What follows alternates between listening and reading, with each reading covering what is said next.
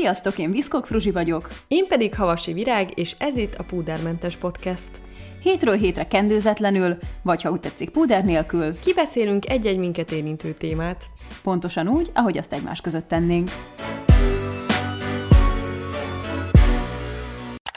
Sziasztok! Üdvözlünk benneteket a második epizódban. A mai részben az életünk meghatározó első alkalmairól fogunk beszélni. Tudjátok, ezek azok a pillanatok, amik az élet vele járó lépései, különösen a felnőtté válás útján, illetve ezek a kiemelkedő élmények, amik formálják az életünket, világlátásunkat, és valamilyen szempontból mérföldkövek az életünkben. Ezúttal is a beszélgető partnerem Virág. Hello! Sziasztok! Annyira gyönyörű volt, mint egy könyv első lapja. Ez a közös könyvünk első Ezt a témát egyébként azt szerint választottuk ki, hogy ti küldtétek nekünk javaslatnak, és én annyira belelkesedtem, mert szerintem ez egy nagyon jó koncepció, de amint elkezdtük kidolgozni, rájöttünk, hogy azért ez legalább olyan megfoghatatlan, mint az első epizódunk volt, úgyhogy izgatott vagyok, hogy mit fogunk kihozni belőle. Arra gondoltunk, hogy elsőként megosztjuk veletek a mi meghatározó első alkalmainkat, majd beszélünk arról is, hogy számunkra milyen érzés kilépni a komfortzónánkból, illetve mik azok a dolgok, amiket megtennénk, ha nem lennének korlátok az életünkben, és hogyan birkozunk meg a kihívásokkal, izgulással, meg mindenféle első algalmas parával. Én annyira kíváncsi vagyok, mert most tuti, hogy ki fog derülni egy csomó olyan dolog, amit nem tudtam rólad. Négy a... év után is, és ez mindig biztos öröm. vagyok. Bár azt már most előjáróba hozzá kell tennem, hogy amikor így gondolkoztam ezeken az első alkalmakon, azt éreztem, hogy mintha nekem nem lenne memóriám. Szóval összegyűjtöttünk tök sok ilyen tipikus mérföldkövet, és egyszerűen nem tudtam róla semmit mondani. Főleg az ilyen gyerekkori, meg tinédzserkori élményekről. Vágjunk bele! Az első, amit felírtunk, ugye azok az első emlékek a, valamire csak emlékszel, hogy mi volt Emlékszem. életed első emléke?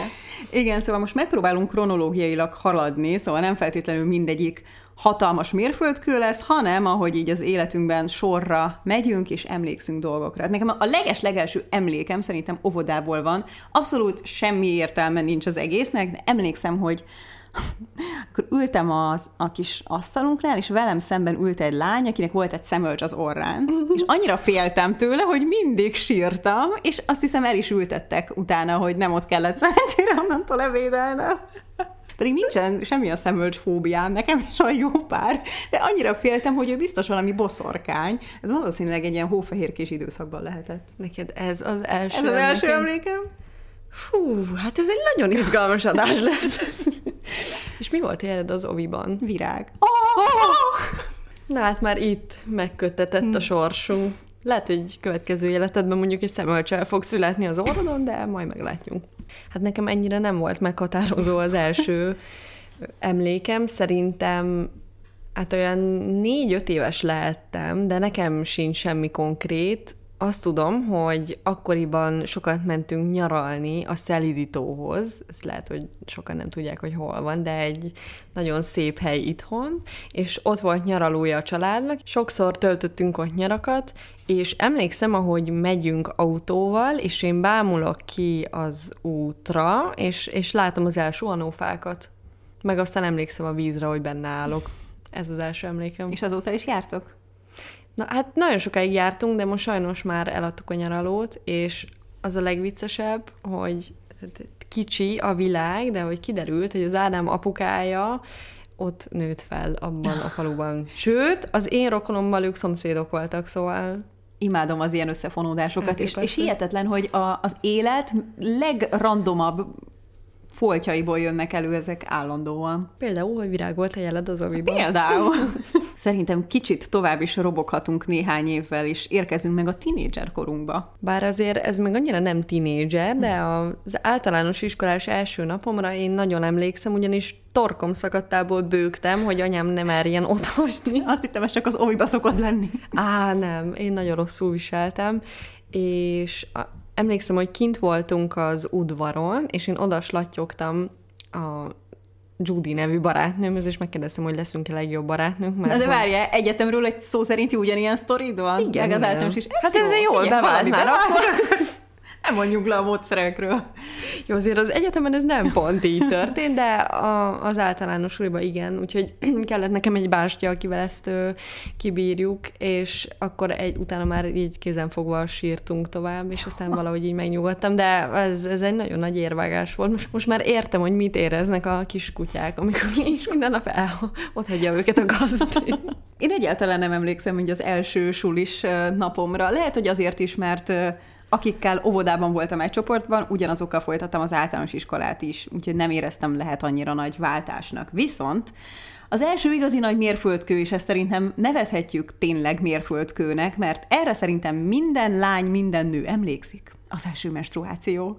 És erre annyira emlékszem, sőt, több ilyen menstruációs sztorira is egyébként. Szóval az elsőnél emlékszem, hogy a, a mamámiknál voltam, ültem az ágyon, másnap utaztunk Balatonra nyaralni, és egy ilyen, nem, azt hiszem, egy ilyen felrakott lábbal ültem az ágyon, amikor anyum mondta, hogy Fruzsikám, neked megjött.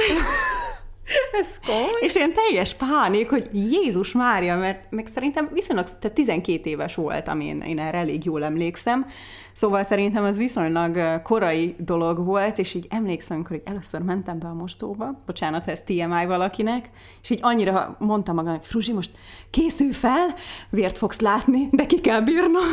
De ezt kimondta szóval, vagy csak gondolatban? Gondoltam, gondolatban, igen, igen, és hát gondold el, hogy mennyire rossz volt az időzítés, hogy másnap utaztunk Balatorra, ahol fürdőruhába akartam lenni egész nap, úgyhogy ilyen nagyon egyből bedobtak a mélyvízben a, az égiek. Szóval te felhúzott lábakkal premier plánba menstruáltál először, ha jól Igen. értem. így van, így történt. Fruzsina elkezdte a nőiességét, nem semmi módon.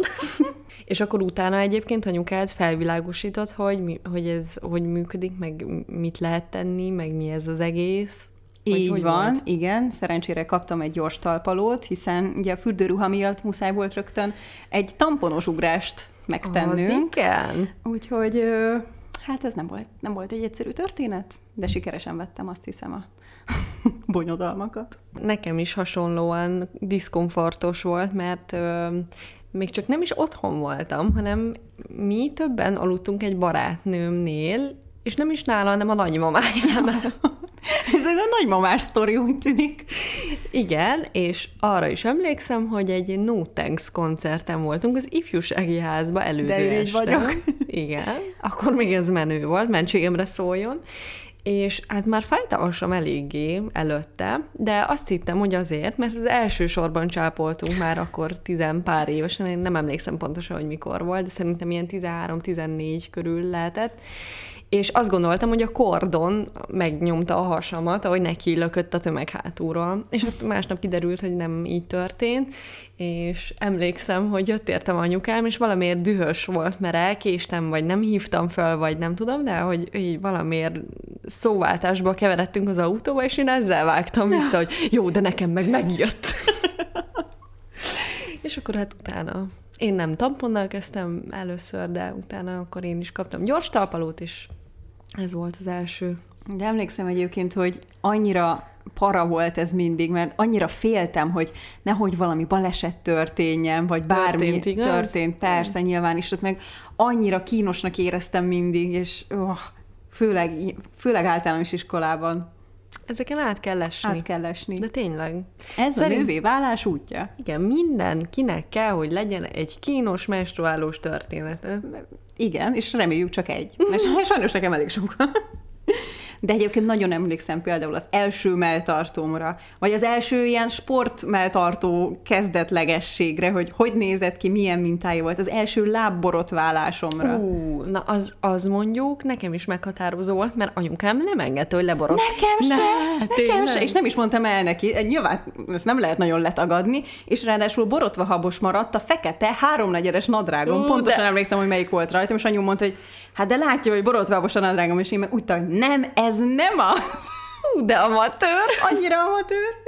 Nekem is amúgy három, ennyire emlékszem, három negyedes farmerom volt. És már mindenki borotvált a lábát az osztályba, csak én nem. És akkor mindig felhúztam egy harisnyát, hogy ne látszódjon annyira, meg mint tudom én, és akkor végül a nagynéném vett nekem egy szörtelenítő krémet, és tök jó fej volt, és akkor is sikerült meggyőzni anyámat. Igen, ez olyan erős kisebbségérzetet tud a, az emberben hagyni, amikor már látod, hogy a többi osztálytársad vagy barátnőd már úgymond előrébb jár, mint te, nem akarsz te maradni az egyetlen kislány, és ezt így nehéz, nehéz megbeszélni, vagy megérteni másokkal. Nem is értem, hogy honnan ered ez a paranoia egyébként a szülőktől, szerintem a penge miatt amúgy.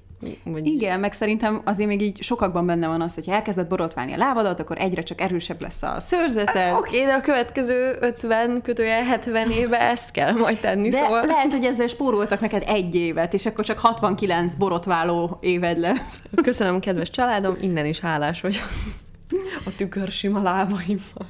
Na és mi a helyzet az első bulival? Nekem az is meghatározó volt. Az első igazi házi buli az a már kettőkor viszonylag ittas mindenki, kiszakad a korlát a falból, hangosan megy a zene, mit tudom én. Kiszakad a korlát a fal, ez az átlagos első buli? Nem, hát ez egy olyan belevaló igazi első házi buli volt, ami lent volt vidéken, és azért is nagyon emlékezetes, mert akkor állt meg a hörcsögöm aznap. Jaj. Igen. Ez egy gyászbuli Úgyhogy volt. Úgy gyászoltuk, igen, de ettől függetlenül nagyon jó kis ottalvós gimnazista parti volt. Nekem az első buliaim szerintem ilyen diszkóba járós bulik voltak, mert nálunk volt egy diszkó, és minden helyi fiatal oda járt, és az első, hát jó néhány alkalommal én az voltam, aki kimondta, hogy én nem fogok inni egyáltalán, és nem is fogok táncolni, mert nem tudok. Úgyhogy minden bulin egy padon ültem, és néztem a többieket. Hogy ezt milyen megfontolásból tettem, ezt máig nem értem, de meglepően sok buli ment el így. De, de miért mentél el akkor? A társaságban így részt akartam venni, meg élveztem azt, hogy nem tudom, kicsinosíthatom magam, meg ilyesmi, de mert azt akarod mondani, hogy alkohol nélkül már nem is lehet jól érezni magam? Nem, nem. Azt akarom mondani, hogy mekkora hatalmas parti arc voltál ülve egész Igen, hatalmas. De tudtam mindenkinek vigyázni a piájára, és foglalhattam a padot is. Hmm, az igazi Profi. józan barát. Így van. De aztán természetesen nekem is eljött az első olyan buli, ahol alkoholt fogyasztottam. Az egy, hát, nem, hát egy ilyen kinti házi buli volt, ilyen sütögetős, és hát sajnos a mai napig emlékszem, hogy mi, tehát egy jégert fogyasztottam azt hiszem először, amit azóta sem, soha, nem, köszönöm. És szerintem még másnap este is rosszul voltam, és nem bírtam felkelni az ágyból, annyira másnapos voltam. Akkor gyanús, hogy nem egy jégert ittál, ugye? Valószínűleg nem. Nekem egyébként az első hát mondjuk ihányással végződő alkoholos történetem, az elég szánalmas, tehát nem nagyon lehet így mutogatni, mert ez egy első randi után történt. két korsós sörtől, mert én annyira izgultam, hogy egész es, nem, nem egész este, egész nap nem voltam hajlandó enni semmit, és utána meg persze rájtuk a későt, és rettenetesen szédültem, átestem egy székem. De végül összejöttünk, úgyhogy mégis annyira nem lehetett rossz.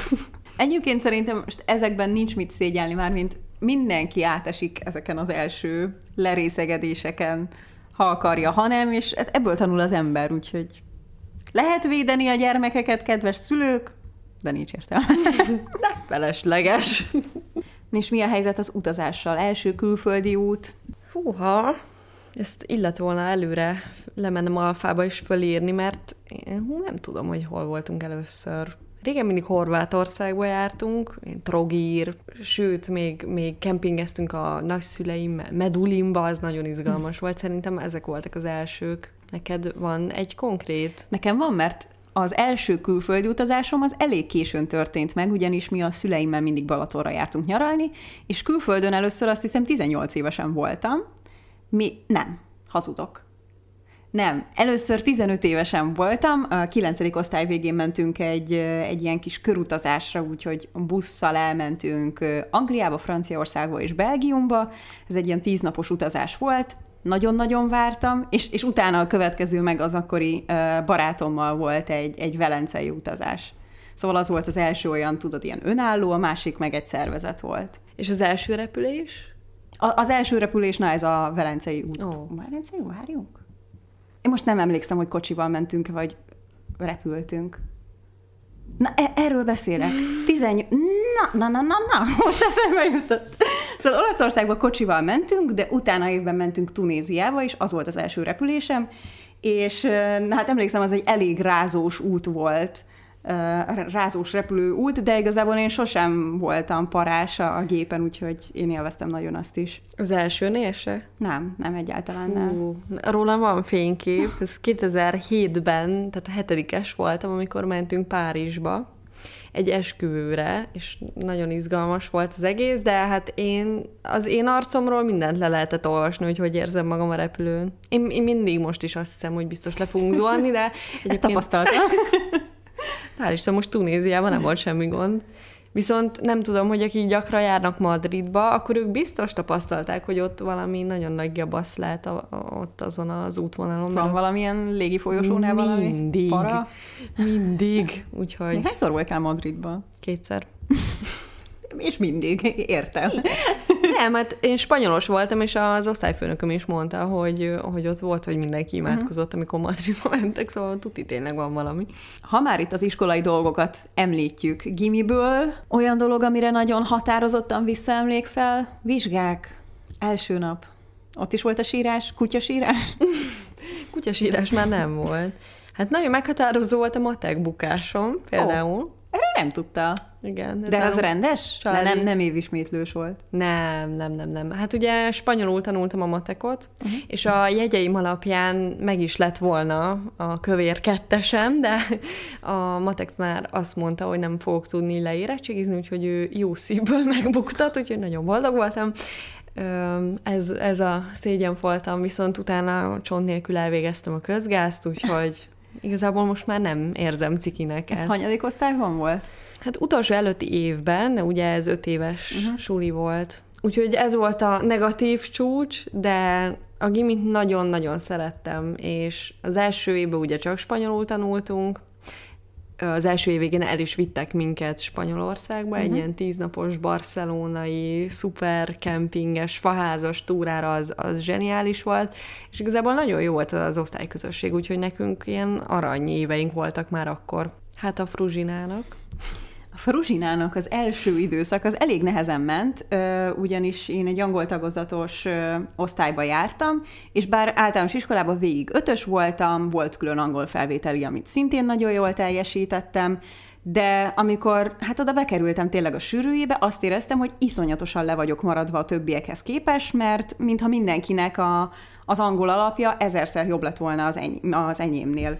Úgyhogy annyira magam előtt van az, amikor magolok délután, csinálom a házikat, és egyszerűen nem megy, mert azt érzem, hogy nagyon le vagyok maradva, és ott teljesen összeomlottam, és ott sírtam a könyvek fölött, és emlékszem, hogy még ott akkor már anyumék is bejöttek a szobába, hogy de Fruzsika, mi a baj? Én megmondtam, hogy nem ezt a tagozatot kellett volna választani. De, de aztán szerencsére szerintem egy-két hónap alatt így abszolút sikerült felvennem a, a fonalat, és, és nagyon jól ment onnantól kezdve minden, de emlékszem erre a kezdeti időszakra, hogy borzasztó nehéz volt behozni a többieket. Én nem is tudtam, hogy te is nyelvi suliba jártál. Hát pedig szerintem ezt a több részben is megbeszéltük.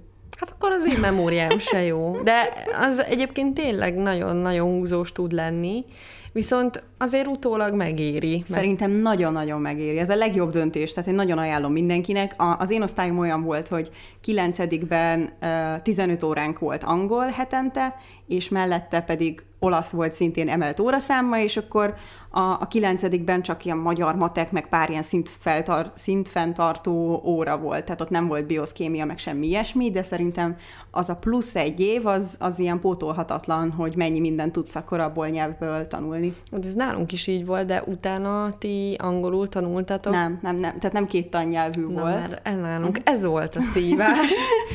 Most gondolj bele a fizikát, a földrajzot, az egyetemest, meg hát a matek voltam. Jó, hát abban csak számok vannak. Aha, próbáld megérteni a logikáját. Fú, nagyon-nagyon szenvedés volt. Pláne én totál humán beállítottságú uh-huh. vagyok, úgyhogy nagyon megszenvedtem, de mindent meg lehet csinálni. Emlékszem, hogy 9. osztály végén mentünk nyelvvizsgázni angolból, és amikor végeztem a vizsgával, akkor is ott sírtam, hogy tuti megbuktam, hogy nem fognak átengedni, nem tudtam semmit, és azt hiszem 94%-os lett. És én olyan meggyőződéssel hittem abban, hogy én megbuktam, hogy na nekem az volt az életem első ilyen meghatározó kudarc élménye, ami ugye siker volt végeredményben, de hogy én ott én azt, azt éreztem, hogy vége a világnak. Két legyet egy csapásra. Akkor térjünk át a szerelem frontra? Mesélj, Virága, romantikus tini éveidből. Azt tudni kell rólam, hogy én elég későn álltam neki a pasizásnak. Én inkább a, az ilyen egy helyben ülő, romantikus, ábrándozó típus voltam, és mindenképpen szerettem volna a nagy szerelmet megvárni az első barátommal kapcsolatban, és ez egyébként meg is történt, úgyhogy válveregetés magam. Amikor oda kerültem a gimibe, akkor mindenki egy fiúba volt szerelmes, ő akkor volt végzős, én meg akkor voltam ez a fogszabályzós, kócos, alternatív kis elsős, és nagyon, nagyon csorgattam a nyálamat utána mindig, és annyira bámultam őt, hogy elkezdett egy idő után köszönni, mert gondolom annyira zavarban volt szerencsétlen, hogy én miért leskelődöm folyamatosan, és akkor neki egy derékig érő hajú szőke barátnője volt, úgyhogy, úgyhogy esélytelen volt a dolog, meg hát nyilván nagyon fiatal voltam, még kilencedikes, de aztán pár év múlva szakítottak, emlékszem arra a pillanatra, amikor megláttam az iviván, hogy ez megtörtént, és fölugrottam, és bevágtam a térdemet a fiókba, annyira örültem, vagy hát jó, hát ez kár öröm, de hogy hát visszakerült az úriember a húspiacra. Mindig egyfele jártunk reggel ö, hát tanulni, vagy hát ment suliba ő is, meg én is, és akkor egyszer valahogy így megkocogtattam a vállát, és akkor így, tehát végülis én voltam a kezdeményező fél. Hát, Belevaló csaj. Tudta, hogy ki vagyok, de, de hogy így nagyon nem beszéltünk, és akkor, hát és akkor így indult, és aztán elkezdtünk randizgatni, és végül is egy másfél év boldogság lett belőle, úgyhogy... Sikersztori. Igen.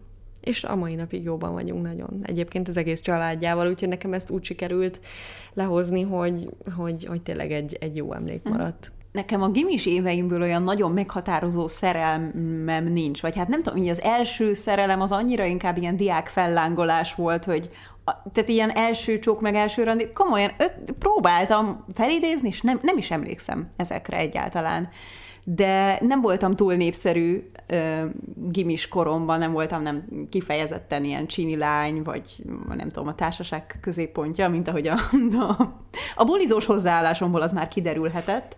Szóval ilyen szempontból így a fiúkkal is ö, elég ö, nehéz terepről indultam, és hogy az első igazi barátom, amit én úgy igazinak gondolok, mellette volt azért pár ilyen kis randi, meg ilyesmi, az azt hiszem 17 évesen volt. És az aztán több évig is tartott, mi nem tartjuk a kapcsolatot azóta, de, de jó érzés visszagondolni rá, mert, mert az volt tényleg az ilyen első igazi felnőttes szerelem. Egyébként én is 17 éves voltam, amikor összejöttünk, szóval akkor hasonlóan későn érő típus. De szerintem ez nem későn érőség, vagy legalábbis én ezt teljesen normálisnak gondolom, sőt. Hát szerintem ez úgy jó, ahogy jön. Igen. De szerintem egyébként most meg már pláne korábban kezdik. ma, ma, manapság már korán élőség van. Igen, de nekem tényleg nagyon megérte, így utólag is, meg akkor is megvárni, hogy hogy, hogy tényleg, hát nem az igazit nyilván, de hogy, de hogy akkori fejjel az igazit. A tini igazit. És szerintem csak ezzel a hozzáállással tud az megtörténni, hogy utána jó ízűen, vagy jó jól tudsz rá visszagondolni az egészre. Ha már párkapcsolat, akkor nyilván mindenki életében nagyon meghatározó az első szakítás. És amikor én ezen gondolkoztam, akkor hát nekem az jutott eszembe, hogy olyan, nekem szerencsére nem volt olyan, azt hiszem, a felnőtt életemben, amikor velem szakítottak volna.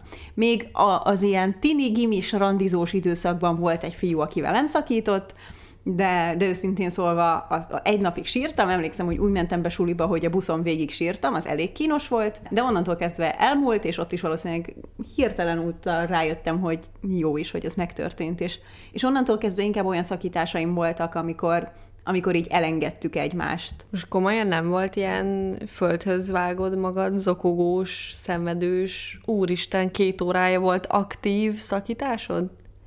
Nem, nem, szerencsére. Meg nem volt olyan rengeteg szakításom, hiszen nem volt olyan sok kapcsolatom sem, mindig inkább hosszabb kapcsolataim voltak, és, és tényleg ez az egy volt az még így gimis időszakomból, de, de ott meg nem volt olyan nagy szerelem, sőt, ott nem mondanám, hogy szerelem lett volna. Jó, hát nekem sincs szakításom hetente. Hát jó, de hagyd mondja, ha nem volt föld, az vágom magam és jó, sírok, jó, jó. akkor nem volt. Én örülök neki, hogy ilyen egészséges a lelked. Hát meg azt nem jelenti azt, hogy, hogy attól egy más másik típusú szakítás ne lenne olyan fájdalmas. Egyébként a szakítás témáról lesz majd egy külön epizódunk is, úgyhogy a mai adásban ezt csak érinteni fogjuk, és majd azt akkor kiveszéljük jobban. Akkor mehetünk is tovább. Megúsznád? Megúsznád? Nekem az első az nagyon-nagyon rossz volt. Pláne, hogy az első szakításnál meg az embernek semmilyen protokoll nincs a fejében, hogy uh-huh. úristen, ez hogy kell túlélni, meg én biztos soha többé nem leszek másba szerelmes, és fú, hát szóval az, az húzós.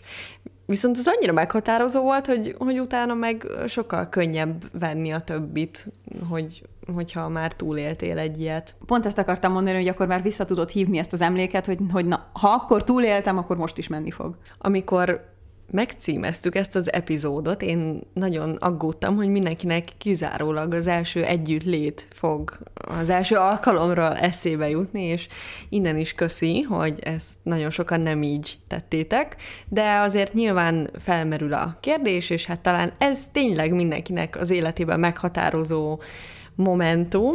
Most nyilván nem fogjuk elmesélni töviről hegyire, hogy nálunk ez hogy miképp történt, viszont az első együttlétnek a pszichológiájáról egy kicsit lehet néhány hasznos szót váltani. A magam részéről erről annyit tudnék elmondani, hogy szerintem ezt sem érdemes semmiképpen sem elkapkodni, akkor sem, hogyha az összes tini magazin ezt szajkózza, mert bár szerintem utólag lehet egy rossz élményt korrigálni, viszont ez nagyon sok ideig fog tartani, hogyha földgyűlik benned egy csomó frusztráció, meg gátlás, azt, azt nehéz lesz később levetkőzni. Szerintem is egyébként ez a legfontosabb főleg akkor, ha esetleg már a barátnők túl vannak rajta, akkor mindig jobban érzed a nyomást, ugyanúgy, ahogy az első lábszörtelenítésnél, itt még talán különösen is, de szerintem tényleg mindenkinek csak a, a belső döntésén szabad, hogy múljon. Igen, szóval ez nem szabad, hogy egy verseny legyen, vagy egy, úristen, tényleg már mindenki túl van rajta, vagy szeretnék én magam túlesni rajta, hogy aztán majd utána könnyebb legyen másodszor. Szóval ez egy olyan dolognak kell lennie, egy fontos, hogy olyan emberrel történjen, akiben bízol, hogyha nem is száz százalékig, mert mondjuk még soha nem voltál párkapcsolatban, akkor is oda tud engedni magadhoz közel, és azért azt is leszögezhetjük, hogy az első mindig kínos, és ez később is mindig kínos lesz, akármilyen új partnerrel kerülsz közel, szóval ne várj magadtól szerintem túl sokat. Szóval csak próbáld a lehető leglazábban kezelni és jól érezni magad. Ez szerintem egyébként mindenki életében talán a legmeghatározóbb nagybetűs első alkalom, mert én, akinek, mint kiderült ennél az adásnál, borzasztó rossz a memóriája minden ilyen dologgal kapcsolatban, erre még én is nyilván határozottan emlékszem, szóval csak elsietni, hogy nem tudom, utolért a többieket, vagy hogy úgy érezd, hogy túl vagy rajta, abszolút nem éri meg, mert erre örök életedre emlékezni fogsz is amit csak tehetsz, azért meg kell tenni, hogy, hogy ez egy jó emlék lehessen. És még annyit hozzáfűznék talán ehhez, hogy szerintem lehet kommunikálni erről a partnerrel, vagy érdemes olyan partnert választani, akivel lehet erről kommunikálni. Igen. Én ebbe a kategóriába estem például, szóval, hogy én nem árultam zsákba macskát, hogy teljesen tapasztalatlan vagyok, mert ez egy azért tud ez az esemény fájó lenni, uh-huh. vagy nehézkes, és Hát a lányoknak ezért nehéz, a fiúknak meg azért nehéz, mert nekik meg ez a teljesítési kényszer rájuk van tolva, úgyhogy ez tényleg mindenkinek egy nagyon vékony jég, úgyhogy nyugodtan beszéljetek erről. Ez talán egyébként egy jó szűrő is. Tehát ha azt érzed, hogy a partnereddel nem tudsz erről a témáról beszélni, akkor valószínűleg nem a megfelelő partner, és még megéri tovább várni. Térjünk át a nagybetűs felnőtt életre, aminek talán az első mérföldköve az első munka, az első fizetés, stb. Te emlékszel az első munkádra? Hogy nem emlékeznék? Az egyetem előtti nyáron volt, úgyhogy én viszonylag későn kezdtem, nem árultam vatta cukrot gyerekkoromban, és nem csináltam semmi hasonlót. Én egy konditeremben dolgoztam, pénztáros Na, lányként. nem is tudta. Hát nem unatkoztam. meg turmixokat kellett csinálnom, meg minden ilyesmi. Három hónapon át tartott, és azt éreztem, hogy rengeteg ö, fizetésem lett a végén, amik soha nem volt annyi pénzem, úgyhogy nagyon-nagyon jó élmény volt. Én nagyon szerettem dolgozni, úgyhogy azóta is az a tapasztalatom, hogyha hogyha jó társaságban vagyok, akkor, akkor én szinte bárhol, bármilyen munka körülményben jól tudom érezni magam. Akkor nem érezted magad egy ilyen kilógó zöldfülűnek, vagy hogy milyenek voltak a munkatársai, tehát nem ők nem éreztették veled? Az igazság az, hogy hát többnyire egyedül dolgoztam, vagy egyedül voltam a pultba, és hát ugye kondizni azért többnyire srácok szoktak jönni, én meg akkor már ugye pont az egyetemet kezdtem, szóval hát jó, jó volt, így elteltek a napok, sok, általában törzs vendégek jöttek nyilván, és akkor mindenkivel el lehetett beszélgetni, meg, meg egy idő után mindenkit megismertem, meg szóval jó volt, jó volt nagyon a hangulat, úgyhogy abszolút nem éreztem ezt, én ezt a kihívásnak éltem meg, új tapasztalatnak, akkor volt először főnököm, akkor kellett, hatkor nyitottunk, mm-hmm. úgyhogy ezért elég durva volt fölkelni, de hát pénztárgép, meg felelősség, meg szóval szerintem a nagybetűs élet előtt azért jó, hogyha van egy ilyen lépcsőfok. Neked mi volt az első munkád? Nálunk mindig az volt a mondás, hogy nekem a tanulás a legfontosabb, szóval inkább ilyen kisebb alkalmi munkáim voltak, az egyik nekem is egy nyári szünetem volt, szerintem ilyen 16 éves lehettem, és ez nem más volt, mint a szilvaszedés. Körülbelül erre tudtam gondolni. A jó öreg vidéki élet, és ott én is azt éreztem, hogy most a bankot robbantottam, és most rám szakadt a világ összes pénze, és emlékeztem, hogy, vagy emlékszem, hogy milyen kis füzetbe jegyzeteltem, hogy na most akkor mennyit kaptam. Tehát nyilván néhány száz forintos órabérem volt, amikor a földről kellett a cefre szilvát szedni. Hát utána is ilyen, inkább ilyen kisebb melóim voltak, szórólaposztogatás, ilyen megis kuponokat osztogattam a, a város különböző pontjain, illetve amit suli mellett tudtam csinálni, például angol korepetálást vállaltam, meg oriflémeztem is, úgyhogy nekem ilyen kisebbek voltak az elsők. Annyira jó szerintem ezek az első munkahelyek, vagy az első megbízások, ugye, amikor amikor rajtad van a nyomás, hogy most meg kell csinálnod jól azt a dolgot Igen. időre a főnöködnek, hogy ez egyrészt nagyon sokat nevel az emberen, és szerintem az annyira szuper, hogy még semmi tapasztalatod nincs, ezért még ugye nem nagyon tudnak tőled mit elvárni, csak a lelkesedésedet, meg az optimizmusodat maximum, és hogy minél többet dolgozol, minél több tapasztalatod van, annál nagyobb veszíteni valód, és annál annál nyomasztóbb ez az egész munkadolog, és én már, már érzem ezt már most, pedig azért négy-öt éve dolgozom rendesen, uh-huh. szóval Hát, visszasírom azokat az első időket, az annyira szuper volt. Ilyenkor szerintem benned van a, annak az érzése is, hogy na most aztán tényleg felnőtt vagyok, a saját pénzemet keresem meg, szóval valahogy így édesebb a, a belefektetett energia, meg az, hogy hatra be kell menni a konditerembe, de valahogy könnyebben megcsinálod, mert, mert akkor van először az, hogy na most a saját pénzemet keresem meg. Hát a függetlenség ízénél uh-huh. nincs jobb dolog, amikor végre nem kell kunyerálni a nagyszülőktől, meg a szülőktől, hanem hát te ezt meg tudod oldani. És aztán szép lassan rájössz, hogy na sokkal-sokkal többet kell dolgozni mindenért, mint ahogy azt korábban elképzelted. De hétfő. Beszéljünk akkor kicsit az első albérletről, az első külön költözésről. Nem tudom, te nem voltál kollégista, ugye? Nem, pedig viszonylag messzire jártam suliba, egy gimi alatt minden nap 5.40-kor keltem, amit ma már elképzelhetetlennek tartok, de, de ott akkor a, a buszozásnak is megvolt a, a közösségi élményem, mivel az összes barátom busszal járt be.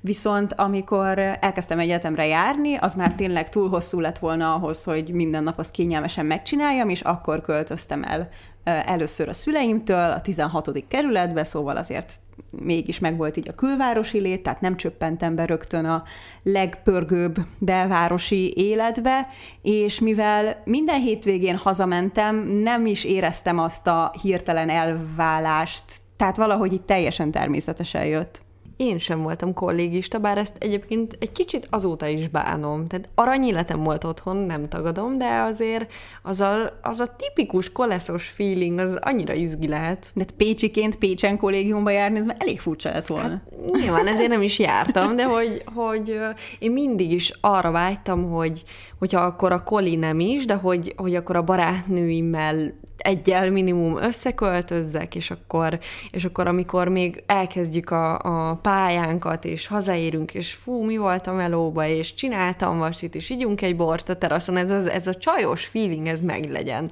Úgyhogy nekem ez kimaradt. Én az egyetem után költöztem fel Pestre, vagy hát ugye a szakmai gyakorlatomat csináltam, és én is a 16. kerületbe költöztem. és meglepő módon kb. a szomszédok voltunk. Igen, ugyanazon a lakótelepen laktuk a Fruzsival, úgyhogy ez elképesztő. Igen, ugye én addigra már elköltöztem onnan, de hogy annyira vicces, ahogy már az előbb is beszéltünk ezekről az összefonódásokra. Ugyanonnan kezdtük a budapesti létünket.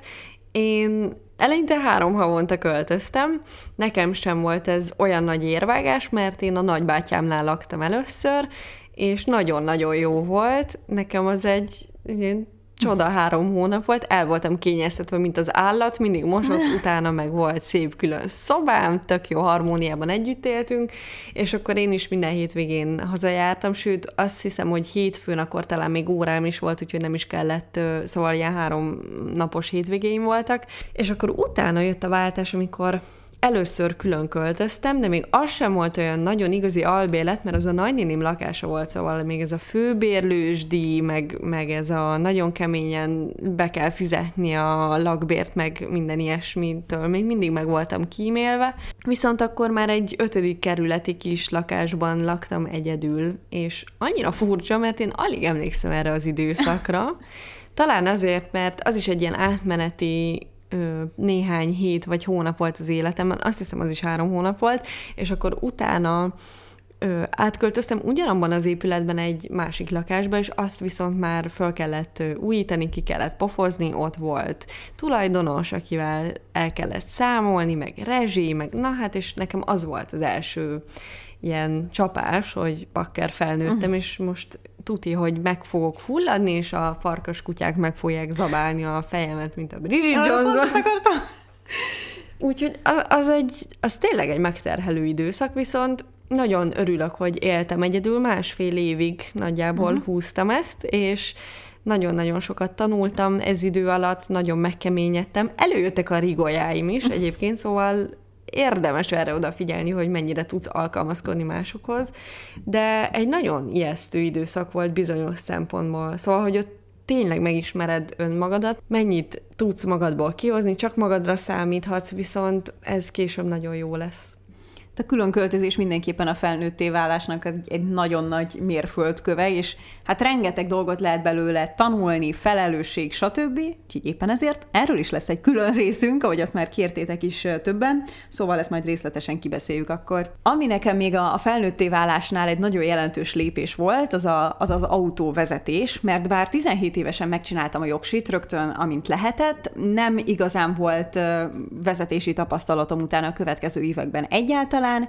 és a, az első saját autóm, hát ismerhetitek Luigi-t, azt hiszem két éve lett, és ott előtte nekem nagyon erősen így fejben rendbe kellett tenni magamban, hogy ez egy teljesen felesleges bizonytalanság a fejemben, ez, hogy félek vezetni, és egyszerűen csak így meg kell tennem a kezdeti lépést, mert mert ezzel nyugtattam magam, hogy nálam sokkal hülyébb emberek is tudnak vezetni, Miért érzem azt, hogy képtelen vagyok rá? De hát nyilván mindenki fél attól, hogy nem tudom, balesetet okoz, vagy balesetbe kerül, vagy bármi ilyesmi, mert itt, itt nem lehet kis hibát elkövetni, hanem itt nagy hibát tudsz elkövetni. Én, én legalábbis így ezt mantráztam mindig magamnak, és egy ilyen felesleges bizonytalanságba vittem bele magam, és, és aztán tényleg csak a kezdőlépést kellett megtenni, mert rájöttem, hogy abszolút nem nehéz Pesten vezetni, vagy nem nehezebb számomra, mint bárhol máshol, és rögtön, amint egy kis rutin szereztem, megkaptam azt a magabiztosságot, amire vágytam, és, és azóta meg teljesen nyugodtan vezetek a városban. Ez azért csalóka, mert ez tényleg az a dolog, amit csak és kizárólag rutinnal tudsz mhm. megszerezni. Uh-huh. Szóval ez, ezt nem lehet megtanulni, be kell ülni a kocsiba, és menni kell. Én még nem tartok ezen a szinten Budapesten, bár amúgy már többször vezettem, de annyira emlékszem, amikor, amikor te is még ilyen kis zöld fülű voltál, és mentünk a moziba, emlékszel? Nem, melyik? Mentünk a moziba a Smart-tal még, és, Igen. és akkor, akkor is több ö, be voltál tojva, de Hú, már nagyon... elején, amikor a smartos időben még nagyon parázta. Igen, de már nagyon elszánt voltál akkor is, és, és segítettem navigálni, és tök jó odaértünk, úgyhogy... Igen, és hát még a, például a parkolás az még továbbra is bizonytalanság, mert néha olyan pici helyeken kell manőverezni úgy, hogy már ott állnak mögöttem.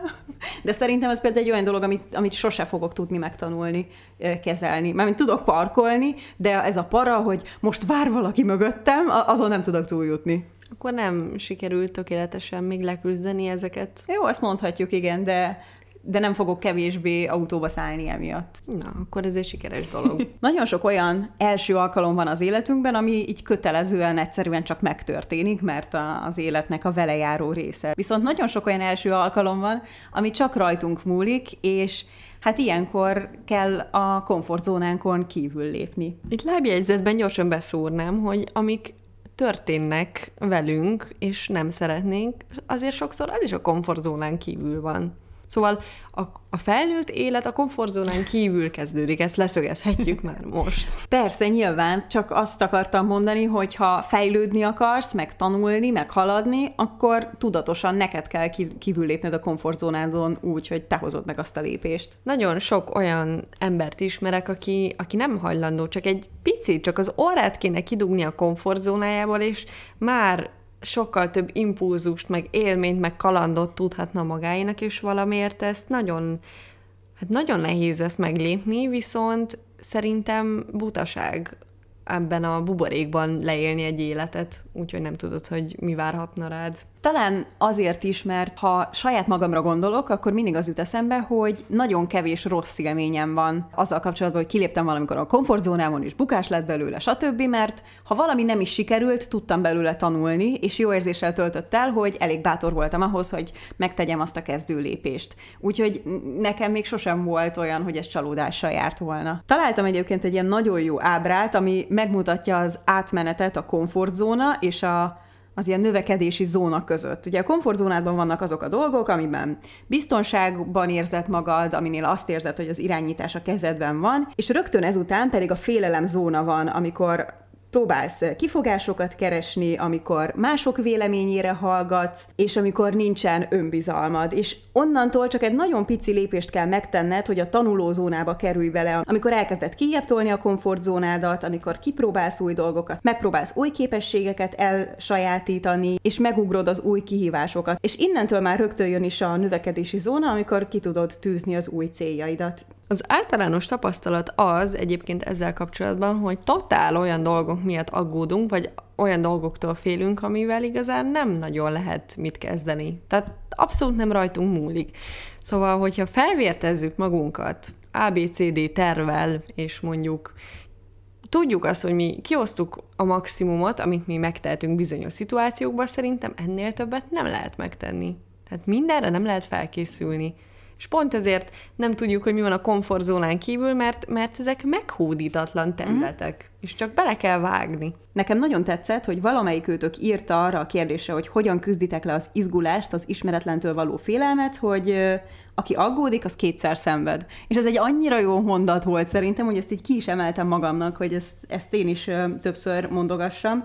Illetve valaki írta, hogy belevágok, ha megismerem, már nem is olyan ijesztő. És szerintem ez is egy nagyon fontos dolog, amit fel kell ismerni, hogy sokszor csak így az első lépést nehéz megtenni, és amikor már elindulsz a célodhoz vezető úton, akkor már rájössz, hogy nem rögtön kell meghódítanod az egészet, hanem kis lépésenként kell haladnod, és a kis lépések meg abszolút teljesíthetőek. Ez annyira megfoghatatlannak tűnik szerintem a legtöbb embernek, pedig minden egyes vizsgám az ennek az égisze alatt zajlott, hogy én nem tudok mm. semmit, nekem nem jut eszembe semmi, és akkor leültem, oda rakták elém a papírt, és amint elolvastam az első kérdést, elkezdtem azon gondolkozni, hogy jó, ezt most hogy fogom tudni megoldani. És aztán apránként dolgozik az ember, és aratja a babérokat. Meg tényleg ez ilyen klisésen hangzik, de annyira igaz, hogy, hogy ne attól félj, hogy elbuksz, hanem hogy nem próbálod meg, mert, mert minden egyes um, ilyen kis baklövés, vagy, vagy hiba, vagy teljesen mindegy, minek hívjuk, az hatalmas nagy tapasztalat. És uh, én nagyon hiszek abban, hogy nem azon akarok gondolkozni, hogy jaj, mi lett volna, ha, hanem hanem tanulni a, a korábban történtekből, és én nagyon hiszek abban, hogy, hogy ne agyoljunk túl dolgokat, mert mindent csak akkor fogunk tudni igazán megismerni, ha, ha valóban azt, azt ki is próbáljuk. Motivációként egyébként vissza is lehet nyúlni az elmúlt olyan élményekhez, amik, amik már ott vannak a, a kis fotóalbumunkban, meg az agyunkban, hogy igen, hogy ha mi, mi lett volna akkor, hogyha ezekre nemet mondok, hogy mennyire sivár uh-huh. meg unalmas lenne az élet. Sokszor szerintem saját magunk vagyunk a, a, a saját magunk legnagyobb szabotőrjei. Legalábbis mindenkinek vannak ilyen beidegződött mantrái, amit szeretünk mondogatni, hogy már pedig nem tudom megcsinálni, nem vagyok képes rá, stb. És ezeket mind át lehet fordítani egy, egy teljesen más hozzáállássá. Például a nem vagyok képes rá helyett azt is mondhatom, hogy gyakorolnom kell és menni fog. Vagy amikor azt mondogatom, hogy nem vagyok elég jó, akkor megkérdezhetem magamtól, hogy hogyan tudnék fejlődni, miként tudnám gyakorolni azt az adott dolgot. A nem tudom, hogy kell helyett, elkezdhetem megtanulni azt az adott dolgot. Szóval tényleg szerintem ez abszolút hozzáállás kérdése. Ilyenkor végig lehet nézni az embernek a példaképein, hogy hű, hogy mennyire felnézek valakire, mert ennyi mindent elért, és hát ő is csak egy ember, és hogy tényleg, ez nagyon tetszett, ahogy mondtad, hogy saját magunk szabotőrjei vagyunk, és szerintem senki más nem tud saját magunk szabotőrjei lenni, mert, mert csak te tudsz arra nemet mondani, amit igazából nem mersz meglépni. Az is szerintem egy nagyon érdekes kérdés, hogy ha nem lenne semmilyen korlát, vagy ha nem lennének következményei, akkor mik azok, amit most rögtön megtennénk. És szerintem ez egy azért is egy nagyon érdekes kérdés, mert rámutat arra, hogy mi az, amit igazán valójában nagyon szeretnénk, szóval már csak egy ilyen gyakorlatként is szerintem érdemes megcsinálni, mert rámutathat a valódi céljainkra, és onnantól kezdve pedig elgondolkozhatunk, hogy mik is a valódi következmények, mert lehet, hogy csak eltúlozzuk őket, lehet, hogy abszolút megléphető dolgokról van szó. Neked egyébként mi ez? Én miután elolvastam a nézőink, vagy hallgatóinknak a válaszait, kiderült, hogy abszolút semmi kreatívat nem tudok felmutatni. Talán ez azért is van, mert én nagyon tudatosan próbálok úgy élni már évek óta, hogy hogy boldogságban tudhassam magam, és, és a lehető legnagyobb szabadságot ö, garantáljam magamnak a helyzetemhez képest. De nagyon sokan írtátok, amivel én is egyet tudok érteni az utazást, például ez a, ez a nagyon random, nem megszervezett, uh-huh. be a hátizsákba mindent, és csak elkezdeni stoppolni, és körbejárni a világot, szóval úgy tűnik, hogy nagyon sokan vágyunk erre a szabadságra, és erre a mókuskerékből való kiszakadásra, amiben egyébként szerintem megint lehet egy olyan arany középutat megtalálni, hogy, hogy egy kicsit kevesebb legyen a szürke étköznapokból, bár tudom, hogy ez nem az az időszak, amikor ezt könnyű megtenni, de, de azért megvan rá a módja. Úgyhogy ez lenne az egyik. Amit soha nem mertem megtenni, az viszont az éneklés. Bár ez így... Nem.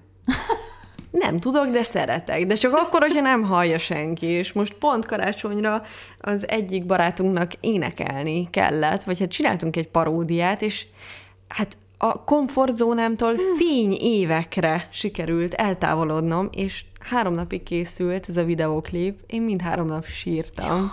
Úgyhogy a könnyeimet adtam azért a műért, de, de hogy megcsináltam, és hát Persze nem lett tökéletes, mert nagyjából egy ilyen ária szintű valamit kellett egyből produkálnom, de, de hogy nagyon-nagyon büszke voltam arra, hogy, hogy tudtam, hogy ez nekem egy, egy de már a rá gondolok, csak rosszul leszek, típusú félelem volt, és, és hogy azért sikerült belevágni, és szerintem ezt meg sem mutattam neked. Nem, igen, teljesen itt ilyen elhűlve hallgatom, mert nagyon értem, amit mondasz, mert nyilván itt neked sem az a célod ezzel, hogy te nem tudom, énekesi pályára akarsz törni. Nekem például az is egy nagyon parás szituáció, amikor egy kisebb baráti társasággal valamit közösen el kell énekelni, akár egy születésnapi köszöntő, pedig én is imádok énekelni egyedül, állandóan elhiszem itt egyedül magamnak, hogy nem is olyan rossz. Közben tudom, hogy borzasztó, de ha már egy ember is hallja, az, az már egy katasztrófa, és tényleg ez is egy komfortzónából kilépés, aminek ráadásul semmilyen következménye nincs, most mi van, ha nem énekelsz jól? Semmi. De miért nem csinálom meg?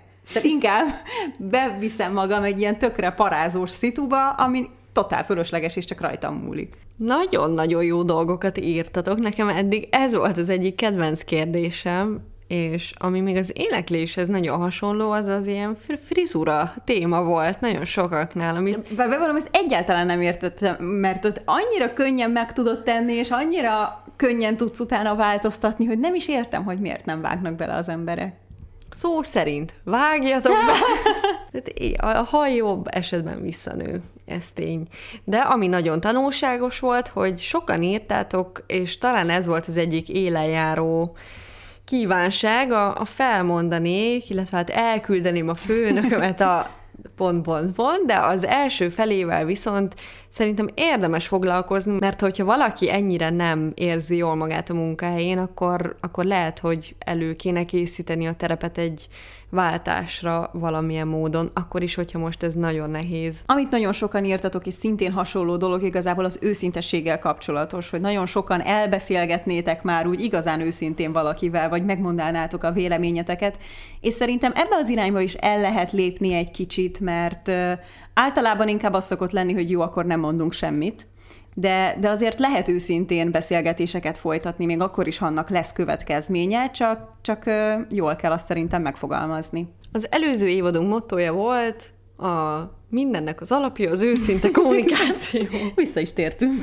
Sokan írtatok extrém sportokat, ejtőernyőzést, meg bungee jumpingot, meg, meg ilyen saját mm, fizikális határok feszegetését, és igazából ez is egy olyan dolog, mint te a lovaglásról, csak egy telefon. És meg volt, emberek, meg volt az első, és már a következő időpontom is megvan, csak mondom. Nagy gratula! Kockacukrot Fruzsinak is, meg a lónak is. is. De nekem, és tudom, hogy te is lecsúsztál a Zempléni kalandparkban a, a, ott azon Bó. a kötélpályán. Ja, ja, igen, a kötélpály nagyon jó. Igen, és én annyira emlékszem, hogy Hát én rettentesen tériszonyos vagyok, és ö, anyámmal mentünk felfele a libegőn, már ott széthergeltük egymást, hogy hát na, itt a világ vége, és de most már csak azért is úgy éreztem, hogyha ezen nem fogok lecsúszni, iszonyú gáz leszek.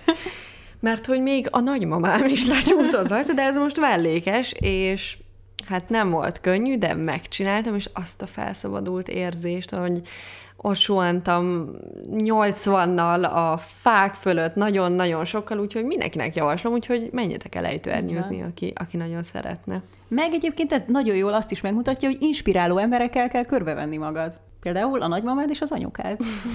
Vicces volt olvasni, hogy erre a kérdésre sokan igen kreatív választ adtatok. Például, ha nem lennének következményei, akkor sokan elmennétek sétálni nyolc után a városba. Ezt nagyon bírtam.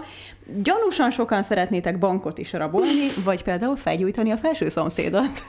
Van, aki pedig teljesen a szélsőségekben gondolkozott. Például volt olyan, aki írta, hogy kipróbálnám lányjal, ami nekem nagyon tetszett, hogy ilyen őszinte volt, és azt is írtátok, hogy tutira valami illegális dolog lenne. Igen, bár bevallom, hogy ennél a kérdésnél azért a realitás talaján gondoltam, hogy maradjunk, de minden esetre jó volt olvasni ezeket. Ah, viszont én még nem mondtam el a sajátomat, csak hogy az sem maradjon ki. Nekem is egyébként az utazással kapcsolatos, de inkább ilyen hosszabb utazás. Tehát olyan munkát csinálok, hogy bárhonnan tudok igazából dolgozni, és annyira szívesen, csak akár néhány hónapra élnék nagyon szívesen külföldön, hogy, hogy ott tényleg a, a helyiek életét úgymond ki tudjam próbálni, mert nagyon jó utazgatni, amikor felfedezel néhány nap alatt egy-egy várost, de úgy igazán kíváncsi vagyok a helyiek életére, és azt talán csak egy ilyen hosszabb úttal lehet elérni. Most azonnal félbe kell, hogy szakítsalak.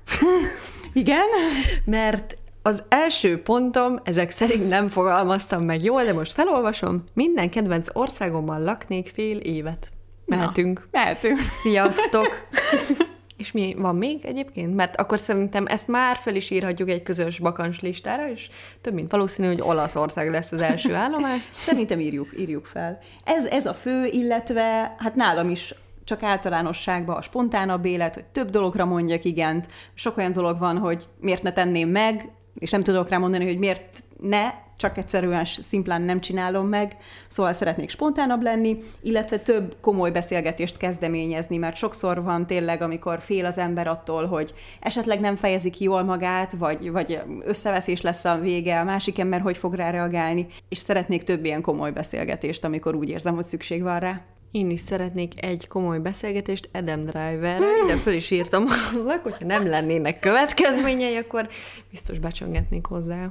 És csak beszélgetnétek. Persze, persze, persze. hát na, mi más. Összességében a mai adás tanulsága azt hiszem az, hogy próbáljuk meg kidugni az orrunkat egy kicsit a komfortzónából, és szaglászunk körbe, mert ott, ott van az igazi élet. Én akkor már le is veszem az orcsiptetőmet, és megyek szimatolni. Tedd le a maszkodat. Azt most nem. Azt most nem. Köszönjük szépen, hogy itt voltatok ebben az epizódban is. Ne felejtsetek el csatlakozni hozzánk Facebookon, illetve Instagramon is, és találkozunk jövő héten szerdán. Sziasztok! Sziasztok!